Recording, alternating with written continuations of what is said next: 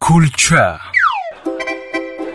از صحبت دو دانشجوی دوستم برای چی قوقت اینقدر اویزون ای برات بعدی ها زنگ زدم با پدرم گفتم که برای خریدن کتاب با من پول فریستند بچه نه دادند ای نه برات از بجای پول کتاب فریست